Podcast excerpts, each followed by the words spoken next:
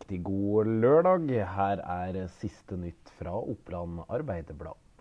Landbruksmegler Jan Endre Strandbakken er ikke nådig mot Vestre Toten etter at et gårdssalg ble stoppet. Vi klager at fylkesmann og setter advokat på saken. Dette føyer seg inn i rekka av vanskeligheter på Vestre Toten, sier megleren. Saken det gjelder er kommunen sitt nei til konsesjon til Audun Blegen, som ville kjøpe gården Midtbustuen på Eina. Les mer om saken på oa.no. Nille på Lena har utgående leiekontrakt i Silovägen. Det betyr slutten på butikken, bekrefter Nille-sjef Kjersti Hobøl. Gårdeier der Nille i dag ligger, ser på muligheten for videreutvikling av eiendommen videre inn i framtida. Les mer om saken på oa.no.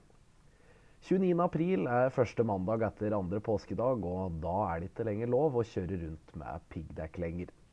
OA har i den forbindelse møtt Roy Arne Gjerdingen hos Dekk 1 i Hunndalen, og han har gitt oss tips ved dekkskiftet. Gå inn på oa.no og få med deg dem nå. Få også med deg saken om hvem som skal holde 1. mai-tale i din kommune, og saken om det siste fra næringslivet på Hadeland. Fortsatt god lørdag att deg.